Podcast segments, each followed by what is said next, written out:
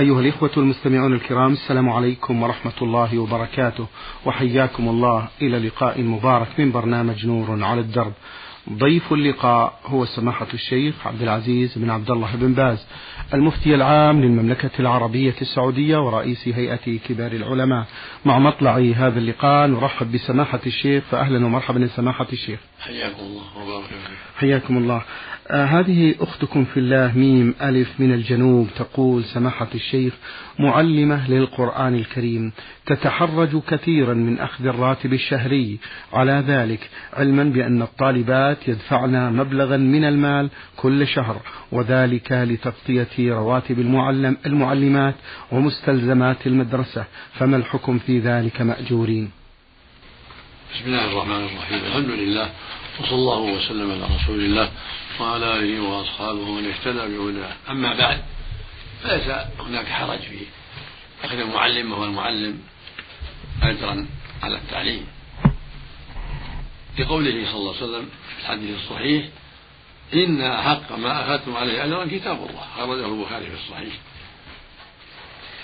ولأن جماعة من الصحابة رضي الله عنهم وأرضاهم مروا على جماعة من البادية قد لدغ سيدهم فطلبوا فلم يقروهم فطلبوا منهم أن يرقوا سيدهم.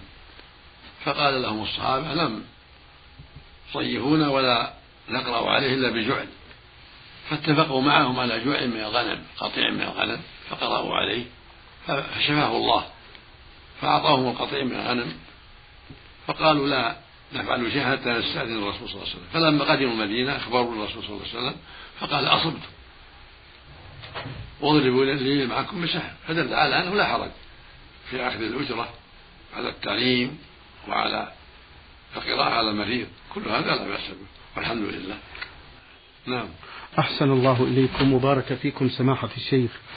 آه هذه السائلة تقول هناك فتاة ذهبت إلى العمرة مع أهلها وهي في زمن الحيض ظنا منها أنها طهرت ولكنها فوجئت بنزول الكدرة والصفرة وهي في الحرم ولم تخبر أحدا حياء منها وذلك قبل عدة سنوات والآن هذه المرأة تزوجت هل يعتبر عقد القران باطل؟ حيث إن تلك العمرة لم تكتمل علما بأنها أدت عمرة بعد الزواج. تقول السائلة هناك فتاة ذهبت إلى العمرة مع أهلها وهي في زمن الحيض ظنا منها أنها طهرت ولكنها فوجئت بنزول الكدرة والصفرة وهي في الحرم ولم تخبر أحدا حياء منها وذلك قبل عدة سنوات. والآن هذه الفتاة تزوجت هل يعتبر عقد قرانها باطل؟ حيث إن تلك العمرة لم تكتمل علما بأنها أدت عمرة بعد الزواج؟ عليها أن تتصل بنا من طريق الهاتف. حتى ننظر في الموضوع لأن الموضوع يحتاج إلى عناية. أحسن الله إليكم. آه هذه السائلة عين ألف عين من الجنوب تقول سماحة الشيخ فتاة مقدمة على الزواج وهي معلمة في أحد شروطها في العقد أنها حرة التصرف في راتبها وهي تخشى من الخلاف فيما بعد على أمر الراتب وتود أن تعطي أهلها شيئا منه وتبقي شيئا آخر لزوجها فهل عدلت في ذلك؟ وهل تكتفي بإعطاء, بإعطاء الزوج ألف ريال فقط ويكون هذا من العدل؟ تقول السائلة. فتاة مقدمة على الزواج وهي معلمة وفي شروطها في العقد بأنها حرة التصرف في راتبها وهي تخشى من الخلاف فيما بعد على أمر الراتب وتود أن تعطي آه، أهلها شيئا من هذا الراتب وتبقي شيئا آخر لزوجها. فهل عدلت في ذلك؟ وهل تكتفي بإعطاء الزوج ألف ريال فقط ويكون هذا من العدل؟ هذا يتعلق به ما بينه وبين أهلها وزوجها والمسلمون على شروطهم. هي حرة في راتبها. فإذا كان بينه وبين الزوج شروط أنها لا تشتغل أو أنها تعطي نصف الراتب فهم على شروطهم. إذا عند العقد يقول النبي صلى الله عليه وسلم المسلمون على شروطهم. إذا اتفقت مع الزوج على شرط أنها تدرس أو تعمل كذا ويكون لها نصف الراتب ربع الراتب فهم على شروطهم. أو سمح لها ولم ولم يكن من راتبها شيء فلا بأس. وهكذا مع أبيها أو أمها الأمر بينهم. لا يتجاوزهم. إذا اتفقوا على شيء فلا حرج. أحسن الله إليكم. هذا سائل سماحة الشيخ يقول هل يجوز أن نلبس الميت قميص وسروال وعمامة ثم نقوم بلفه بثلاثة أثواب بيضاء؟ أفيدون بذلك؟ الأفضل ثلاث لفائف الأفضل ثلاث لفائف هذا هو الأفضل. وإن كفنا في قميص وإزار ولفافة فلا بأس. وإن كف لفافة واحدة فلا بأس. ولكن الأفضل ثلاث لفائف هذا هو الأفضل. كما فعل بالنبي صلى الله عليه وسلم. اللهم صل عليه. اللهم صل وسلم عليه. ما هو الدعاء الذي يقال في الصلاة عند صلاتنا على الميت؟ أولا عند الدعاء واللهم اغفر لحينا بعد التكبيرة الثالثة. اللهم اغفر لحينا وميتنا وشاهدنا وغائبنا وصغيرنا وكبيرنا وذكرنا وأنثانا. اللهم من أحيته منا فأحيا الإسلام ومن توفته منا فتوفى على الإيمان. هذا عام في كل جنازة. ثم بعد هذا يقول اللهم اغفر له إن كان رجل أو اللهم اغفر له إن كانت امرأة أو اللهم eغفر لهم كانوا جماعة. اللهم اغفر لهم وارحمهم وعافهم واعف عنهم واكرم نزلهم واسع مدخلهم واغسلهم بالماء والثلج والبرد ونقهم من الخطايا كما ينقى الثوب الأبيض من الناس اللهم أبدلهم دون خير من دورهم وأهل خير من أهلهم. اللهم أدخلهم الجنة وأعذهم من عذاب القبر ومن عذاب النار. وأفسح لهم في قبورهم ونور لهم فيه إذا كانوا جماعة. وان كان واحد اللهم اغفر له إلى آخره. اللهم لا تحرمنا أجره ولا ظلنا بعده واغفر لنا وله. اللهم اغفر له وثبته بالقول الثالث كلها دعاء طيب. نعم. أحسن الله إليكم سماحة الشيخ. هذا السائل كتب أم هذه أم عبد الله من القويعية تقول أرجو من سماحة الشيخ الإجابة على سؤالي. تقول هذه السائلة سماحة الشيخ دائما بالي مشغول بأفكار الدين فأنا في دوامة من الأفكار والوساوس التي أحاول أن أقاومها وتسبب لي الأوجاع في الرأس. لأنني أحاول أن أبعدها وتعود مرة ثانية وأحس بقسوة في قلبي إذ تقول السائلة دائما بالي مشغول. بأفكار الدين فأنا في دوامة من الأفكار والوساوس التي أحاول أن أقاومها وتسبب, وتسبب لي الأوجاع في الرأس لأنني أحاول أن أبعدها وتعود مرة ثانية وأحس بقسوة في قلبي إذا أردت أن أقنع نفسي. أنا أريد يا سماحة الشيخ أن أحس بالإيمان في قلبي وأريد أن يلين قلبي ويخشع ولكن لا أحس بذلك بشيء قليل. ثم أرجع إلى القساوة فهل ذلك من كثرة الذنوب والمعاصي؟ أم من ذنب اقترفته؟ ماذا أفعل سماحة الشيخ وجهوني مأجورين أرجو أن يكون هذا من حرصك على الخير ومن رغبتك في الخير. ولكن الشيطان عدو الله يلبس عليك ويؤذيك فنوصيك بالاستعاذة بالله من الشيطان وأبشر بالخير. هذا يدل على رغبة في الدين ومحبة للدين وأبشر بالخير. وتعوذي بالله من الشيطان عند الوسوسة. قل أعوذ بالله من الشيطان الرجيم. اللهم أصلح قلبي اللهم أذهب قسوته. اللهم أصلح قلبي اللهم أذهب قسوته. اللهم أعمه بخشيتك ومحبتك والتوكل عليك والشوق إلى لقائك. اللهم أهلني من الشيطان وأبشر بالخير. أبشر بالخير ويزول تزول الوساوس تعوذي بالله من الشيطان وأحسن الظن بالله. واسأل الله أن الله يعينك على عدوك الشيطان وأن الله يصلح قلبك وأن يمنحه خشيته والرغبة فيما عنده وأن يلينه ويزيل قسوته وابشر بالخير. عليك بسؤال الله والضراعة إليه, إليه سبحانه وسؤاله أن يعينك على ذكره وشكره وأن يزيل قسوة قلبك وأن يأمره بالتقوى والخشية لله والتعظيم لله وأن يعيدك من الشيطان الرجيم ونزغاته وابشر بالخير. كل هذا إن شاء الله يدل على خير. ولكن تعوذي بالله من الشيطان وابشر بالخير. نعم. أحسن الله إليكم سماحة الشيخ. على هذا التوجيه المبارك. السائلة تقول سماحة الشيخ أريد أن أعرف حكم الشرع في نظركم في من وقع على زوجته في رمضان دون إرادتها وهي كارهة لذلك. تقول السائلة فقد كنت شبه نائمة عندما سمعت صوت المسجد يؤدون الصلاة.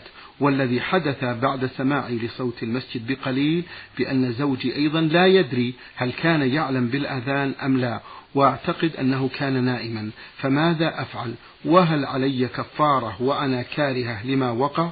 وكنت من قبل أخشى الوقوع في هذا وأستبعده إذا قرأت آه، حكم ذلك في الكتب. هل على زوجي كفارة؟ أنا عندي أطفال وأقوم بواجباتهم وشؤونهم وشؤون زوجي فقد يكون الصيام من سماحة الشيخ شهرين يكلف علي مع أعمال المنزل ومشاكل الأطفال وهل يكون صيام الشهرين متتابع أم لا مأجورين؟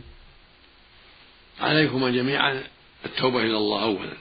والندم والإقلاع من هذا الذنب وعدم العودة إليه لأن هذا منكر عظيم. الجماعة في رمضان منكر عظيم ومن كبائر الذنوب فالواجب الحذر من ذلك والتوبة إلى الله مما وقع. عليك وعلى زوجك جميعا التوبة إلى الله. وعليكم جميعا كفارة وهي عتق رقبة لكن الرقاب غير متيسرة الآن. فإن, فإن لم يستطع العتق فصيام شهرين متابعين ستين يوما. لا بد من ذلك. فإذا عجزتما عن الصيام فيطعم ستين مسكين. الذي لا يستطيع على الصيام يطعم ستين مسكين. أنت أو وزوجك. ستين مسكينا. كل مسكين له كيلو ونص. تسعين كيلو. كل واحد له كيلو ونص من قوت البلد من تمر أو أرز أو حنطة. هذا هو الواجب على من أتى زوجته. على الزوج وعلى الزوجة. وكونك تكرهين ما يسقط عنك الكفارة. الواجب منعه. الواجب منعه بالقوة وعدم السماح له. فإذا قهرك بالقوة والضرب كنت معذورة أما مجرد الكراهة فقط لا ما يكفي. عليك الكفارة عليكم الكفارة جميعا والتوبة إلى الله جميعا وقضاء اليوم. نسأل الله للجميع الهداية. أحسن الله إليكم. آه الاختيار الشهرين سماحة الشيخ أو الصيام هل هي مخيرة بذلك؟ نعم. مخيرة بشهرين؟ ترتيب ترتيب. من عجز عن الصيام ينتقل إلى الطعام ومن قدر على الصيام يصوم. شهرين متتابعين ستين يوما فإن عجز عجز لكونها ترضع أو لمشاغلها الكثيرة أو لمرض ينتقل إلى الطعام. وهكذا الرجل إذا شق عليه لعمل يعمله أو لمرض أو نحو ذلك انتقل إلى الإطعام نعم. أحسن الله إليكم وبارك فيكم سماحة الشيخ. هذه هذا السائل عبد الله عبد العزيز من الأردن يقول سماحة الشيخ السلام عليكم ورحمة الله وبركاته والدي ووالدتي ماتوا منذ زمن طويل وأنا كل يوم أقرأ من القرآن الكريم ما يتيسر وفي النهاية أقرأ الفاتحة وأقول اللهم ابعث ثواب ما قرأت إلى روح والدي ووالدتي فهل يجوز لي ذلك؟ هذا غير مشروع ولم يرد في السنة تكذيب القراءة غير مشروع لكن تصدق عنهم ادعو لهم حج عنهم عنهما أو اعتمد عنهما. أما تثويب القراءة أو توثيب صيام أو تثويب صلاة هذا ليس له وصف الشرع فالواجب ترك ذلك. ولكن يشرع لك يا أخي أن تجتهد في الدعاء لهما والترحم عليهما والاستغفار لهما والصدقة عنهما والحج عنهما أو العمرة كل هذا طيب. نسأل الله لك التوفيق. ثواب الأعمال يصل إلى الميت سماحة الشيخ؟ أعمال الحي نعم. أعمال الحي التي جاء بها النص كالصدقة. ينفع الميت. الدعاء والاستغفار ينفعه كذلك الحج عنه والعمرة كذلك ينفعه نعم. أحسن الله إليكم سماحة الشيخ. يقول في أخيرا هذا السائل من الأردن أنا في كل جمعة وبعد صلاة الفريضة أقول نويت أن أصلي ركعتين طاعة لله عز وجل ولرسوله وتبعث اللهم أجر هذه الصلاة إلى أرواح والدي ووالدتي. هذا غير مشروع والتلفظ بالنية بدعة. لا لا يجوز التلفظ بالنية. النية محلها القلب. تنوي بقلبك الصلاة صلاة نافلة أو فريضة أو صوم بالنية. لا تلفظ بها. ولا تثوب بالقراءة أو الصلاة لوالديك ولا غيرهم. ولكن تدعو لوالديك. تستغفر لهم ترحم عليهم تصدق عنهم. كل هذا طيب. تحج أو تعتمر كل هذا طيب إذا كان ميتين. نعم. أو كان عاجزين كبير السن عاجزين عن الحج والعمرة. لا بأس بالحج عنهما والعمرة لعجزهما أو لموتهما. نعم. أحسن الله إليكم سماحة الشيخ. هذه السائلة الأخت ياسر من الرياض تقول سماحة الشيخ هل يجوز أن أعطي زكاة المال لامرأة لا تصلي؟ لا لا يعطى. لا تعطيها الزكاة. تعطي امرأة تصلي دوري الفقراء الطيبين اللي ما يصلي كافر نعوذ بالله. يقول النبي صلى الله عليه وسلم العهد الذي بيننا وبينهم الصلاة فمن تركها فقد كفر. ولا يعطى كفر إلا المؤلف قلوبهم يعطون من الزكاة المؤلف قلوبهم من رؤساء العشائر وكبار الناس الذين إذا هداهم الله هدى الله بهداهم غيرهم وحصل بغير بهداهم نفع كبير للناس. أما أفراد الناس فكفرة لا. نعم. أحسن الله إليكم. تقول ام عبد العزيز في سؤاله الثاني سماحة الشيخ هل يجوز أن نعطي زكاة المال لشخص متزوج وله بنت صغيرة عنده سيارة أجرة يكتسب منها في شهر في الشهر حوالي 700 جنيه ويمر شهر آخر تكون معطلة السيارة علما بأنه موظف حكومي مرتبه 150 جنيه؟ إذا كانت إذا كنت تعلمين أنه فقير وأنه عرض له حاجة وفقر فلا بأس. وإلا فالذي عنده أسباب تقوم بحاجة لا يعطى الزكاة. ولكن إذا عرض عارض وعرفت أنه فقير فلا بأس أن تعطيه من الزكاة. وإلا فالأصل أن من كان له أسباب تقوم بحاجة لا يعطى من الزكاة. لعلكم سماحة الشيخ حفظكم الله تبينون من هم أهل الزكاة الذين تجوز إعطاهم مثل ما قال الله جل وعلا إنما الصدقات للفقراء والمساكين والعاملين عليها والمؤلفة قلوبهم والغالبين وفي سبيل الله وابن السبيل هؤلاء هم الزكاة الفقراء معروفون والمساكين هم الذين لا يجدون ما يكفيهم في السنة أسبابهم ضعيفة أو ليس لهم أسباب. هؤلاء هم الفقراء والمساكين. والعاملين عليها هم العمال يبعثهم ولي الأمر. يحرسون النخيل والثمار والغنم والبل ويأخذ زكاة الإبل والغنم هذه يقال لهم عمال. يبعثهم ولي الأمر يعطيهم من الزكاة ومن بيت المال. والمؤلف قلوبهم هم الرؤساء والسادة من الناس الذين إذا أسلموا هداهم الله. ولو كانوا كفرة يعطون. أو كانوا مسلمين يعطون. يرجى بعطيتهم إسلام نظائرهم وقوة أو قوة إيمانهم. هؤلاء هم المؤلف قلوبهم. السادة الكبار المطاعون في عشائرهم الذي يرجى يرجى بعطائهم قوة إيمانهم أو إسلام نظائرهم وفي الرقاب عتق الرقاب. يشترى من الزكاة رقاب تعتق. وهكذا المكاتبون الذين شروا أنفسهم من السادة بدين في الذمة يعطى المكاتب ما يسد به الدين الذي عليه الذي اشترى به نفسه من سيده. والغارمين أهل الدين الذي عليهم ديون وهم عاجزون سواء كانت الديون لإصلاح البين أو لحاجاتهم. فإذا كانوا عاجزين عن قضاء الديون هؤلاء هم الغارمون يعطون من الزكاة للدين لقضاء الدين. وفي سبيل الله الجهاد. يعطى الغزاة ما يعينهم على الغزو. ومن السبيل الذي يمر بالبلد وينقطع ما عنده شيء يعطى. ولو كان غنيا في بلاده. إذا مر بالبلد وأن تعلم أنه منقطع أو قال إنه منقطع وأنت لا تعرف حاله وقال إنه منقطع تعطي من الزكاة. نعم. أحسن الله إليكم وبارك فيكم. هذا السائل صاد فحاء يقول سماحة الشيخ يذكر بأنه شاب متزوج وعنده أطفال ويحمد الله على ذلك. يقول خرجت من بيت والدي منذ صغري ولا أذكر ذلك اليوم. ويقول أنا شاب متزوج وعندي أطفال والحمد لله. وخرجت من بيت والدي منذ صغري. ولا أذكر ذلك اليوم وفتحت عيني وأنا في بيت خالي الذي رباني وتعب علي وصرف علي ووجهني كثيرا. عندما أجلس مع والدي لا أحس به أنه والدي ولكن عندما أجلس أجلس مع خالي أحس بأنه هو والدي الحقيقي الذي يهتم بأمري. فهل لوالدي حقوق؟ جزاكم الله خيرا. نعم لوالدك حقوق حق الأبوة الواجب بره والإحسان إليه وعدم إنكار أبوته عليك أن تحسن إليه وأن تبدأه بالسلام وأن تجتهد في كل ما يرضيه من الأمور الطيبة بالمعروف. وخالف له حق أيضا حق التربية والإحسان. جزاه الله خيرا. فعليك أن تقوم بهذا وهذا.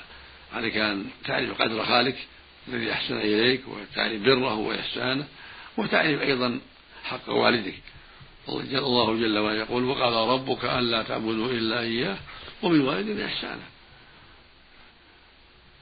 فالوالد له حق عظيم. فالواجب عليك أن تفعل هذا وهذا. تبر والدك وتعرف قدره وتحسن إليه وتجتهد في عدم ما يغضبه أو يؤذيه. وعليك أيضا مع هذا أن تحسن إلى خالك وتعرف قدره وإحسانه وتقدر له ما فعله معك من الخير. هذا هو شأن الكرماء والأخيار. نعم. أحسن الله إليكم. الآباء دائما يحرصون على أبنائهم ويحرصون على تنشئتهم التنشئة الإسلامية. ولكن بعض الآباء سماحة الشيخ قد يقسو على أولاده أو يخطي في التربية. هل من توجيه للآباء؟ الواجب على الآباء تقوى الله وأن يحسنوا إلى أولادهم ويربوهم التربية الإسلامية وأن يرفقوا بهم ويحسنوا إليهم. هذا هو الواجب على الآباء وعلى الأمهات. أن يتقوا الله وأن يحسنوا في أولادهم ويعلموهم ويوجههم إلى الخير وأن يكونوا قدوة صالحة لأولادهم. لا من جهة التربية ولا من جهة الأخلاق التي يسمعها ويراها أولادهم من العفو والصفح وطيب وطيب الخلق وكرم الجوار وكلام وحسن الكلام وغير هذا من الأفعال الطيبة والمحافظة على الصلاة وغير هذا من وجوه الخير حتى يتأسى بهم الأولاد فعلى الأم أن تجتهد في أن يتأسى بها بناتها وأولادها بالخير وعلى الوالد كذلك. وعلى الولد أن يجتهد في بر والديه والإحسان إليه إليهما. وإذا رأى منهما ما يخالف الشرع نصحهما بالرفق والكلام الطيب حتى يحصل التعاون البر والتقوى. نعم. أحسن الله إليكم سماحة الشيخ. أختنا السائلة أم آه، عبد الله تقول آه، في هذا السؤال لدي أخوات وعمات وخالات متفرقات واحدة في الشمال والأخرى في الجنوب وأخرى في الغرب وفيهم كبار السن السن والصغار والبعض منهم يملك هاتف والبعض الآخر لا يملك هاتف ولا أستطيع أن أقوم بزيارتهم لأن الزيارة مكلفة. فالواحد منهم إذا أراد أن يزور آه، هذا القريب يجب أن يعطيه مبلغ من المال. وفوق هذا تكاليف السفر باهظة جدا. السؤال يبقى يا سماحة الشيخ هل المكالمات الهاتفية تكفي عن صلة الرحم أم يجب الذهاب إليهم في ذلك مأجورين؟ الصلة من جهة مواصلة بالمكاتبة أو بالهاتف. طيبة يحصل بها وصول الرحم بالهاتف بالتلفون بالمكاتبة بالسلام الذي يحمله فلان سلمنا على فلان على أخي فلان على عمي على خالي كل هذا من صلة الرحم. وإذا تيسرت الزيارة بلا كلفة فهي من كمال الصلة الزيارة والبذل المال إذا كان محاويج أو يسرهم بذل المال هذا من الصلة. هدية الهدية الطيبة مواساة الفقير هذا من الصلة الواجبة صلة الرحم. وإذا كانوا أغنياء فالكلام الطيب والمكاتبة الطيبة والمكالمة الهاتفية ولو ما تسافر إليهم يكفي. المكالمة الهاتفية والمكاتبة تكفي. وإذا كانوا فقراء أو يمكن يعني يحتاج إلى هدية يهدي إليهم والفقير يواسي إذا كان يستطيع يواسيه من الزكاة أو من غيرها. كل هذا من صلاة الرحم. نسأل الله للجميع الهداية والتوفيق. نعم. اللهم أمين. أحسن الله إليكم وبارك فيكم. السائل من الأردن يقول ما حكم الشر في نظركم سماحة الشيخ في الابتعاد عن الزوجة أكثر من سنة لظروف الحياة؟ علما بأنه يرسل النفقة دائما وجزاكم الله خيرا. هذا شيء لا يستطاع تحديده حسب الطاقة. عليه أن يجتهد في قربه منها وحملها معه أو الرجوع بسرعة من السفر حسب الطاقة. وإذا تأخر من أجل طلب الرزق والعمل فلا حرج عليه إن شاء الله. لكن مهما أمكن أن يجتهد في أن تكون معه حتى يكون أعف لها وأعف لها أو أجتهد أو أو أمكنه أن يرجع بسرعة بحيث لا يطيل الغيبة يرجع ثم يعود ثم يرجع حتى تكون هذه الاتصالات كافية في العفة له ولها جميعا. المقصود أن عليه يجتهد في حملها معه أو تقصير المدة بين وقت وآخر حتى تحصل العفة ويحصل آه، تحصل المعاشرة الطيبة من دون مشقة على الجميع. نعم. أحسن الله إليكم. من اليمن؟ السائل عبد الرحمن محمد يقول سماحة الشيخ هل يجوز للمرأة أن تصلي بثوب من حرير؟ الحرير مباح للنساء. الذهب والحرير مباح للنساء محرم للرجال. فلا بأس أن تصلي في ثوب من حرير. إذا كان ساترا لها لا حرج في ذلك. لأنه يجوز لها لبس الحرير. فإذا كان عليها ملابس من الحديد ساترة فلا بأس. أحسن الله إليكم. السائل فواز له مجموعة من الأسئلة يقول في بداية أسئلة سماحة الشيخ ما حكم أخذ الأجرة على السمسرة؟ لا حرج. أخذ الأجرة. كل يكون دلال. دلال. يبيع البيوت يبيع الأراضي يبيع الإبل يبيع الغنم يبيع الرقيق. ويأخذ الأجرة لا بأس. أجرة على عمله نعم. أحسن الله إليكم. هل يؤجر الإنسان؟ نعم. طيب. آه، أحسن الله إليكم. سماحة الشيخ هل يؤجر الإنسان؟ معينه طيب. السائل فواز يقول هل يؤجر الإنسان على القراءة دون أن يحرك لسانه؟ وهل تصح الصلاة إذا قرأ كذلك؟ القراءة تكون بتحريك اللسان. القراءة دون تحريك اللسان ما هي قراءة هذا تأمل بقلب تفكير. القراءة هي التي يكون معها حركة اللسان يعني يسمع قراءة يسمع إذا كان يسمع يسمع قراءته وتسبيحه وتهليله ونحو ذلك. هذه قراءة. أما كون في قلبه فقط ما يسمى قراءة.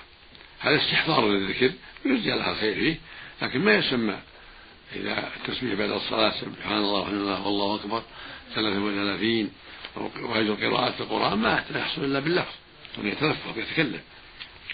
ولو سرا نعم أحسن الله إليكم. السائل يقول في هذا السؤال سماحة الشيخ في الصلاة البعض من الناس يضعون الأيدي في السجود والبعض يسبق آه، تسبق الركبة أو الركبتين قبل اليدين. ما هي الطريقة الصحيحة للسجود؟ إذا كان قادرا فالأفضل أن يقدم ركبتيه ثم يديه ثم جبهته وأنفه هذا السنة. وعند الرفع يرفع رأسه ثم يديه ثم ركبتيه هذا إذا كان قادرا. أما إذا كان عاجزا فلا بأس أن يقدم يديه. والحمد لله. نعم. أخيرا نختم هذا اللقاء سماحة الشيخ. هل ورد شيء من التفضيل في سورة في سورة الكهف؟ نعم ورد في ذلك عن بعض الصحابة رضي الله عنهم قراءتها في يوم الجمعة. وجاء وجاء بذلك حديث ضعيف. فلا فقراءتها يوم الجمعة قراءة حسنة لأن فعل الصحابة يدل على أن لذلك أصلا كون بعض الصحابة فعل ذلك يدل على أن أنه سمع في هذا الشيء رضي الله عنهم وأرضاهم. فإذا قرأ في يوم الجمعة فحسن إن شاء الله. القراءة كاملة أو بعضها كاملة, كاملة. شكر الله لكم سماحة الشيخ وبارك الله فيكم وفي علمكم ونفع بكم الإسلام والمسلمين. أيها الإخوة والأخوات كان معنا في هذا اللقاء الطيب المبارك من برنامج نور على الدرب سماحة الشيخ عبد العزيز بن عبد الله بن باز. المفتي العام للمملكة العربية السعودية ورئيس هيئة كبار العلماء. في الختام تقبلوا تحيات زميلي مهندس الصوت فهد بن محمد العثمان. والسلام عليكم ورحمة الله وبركاته.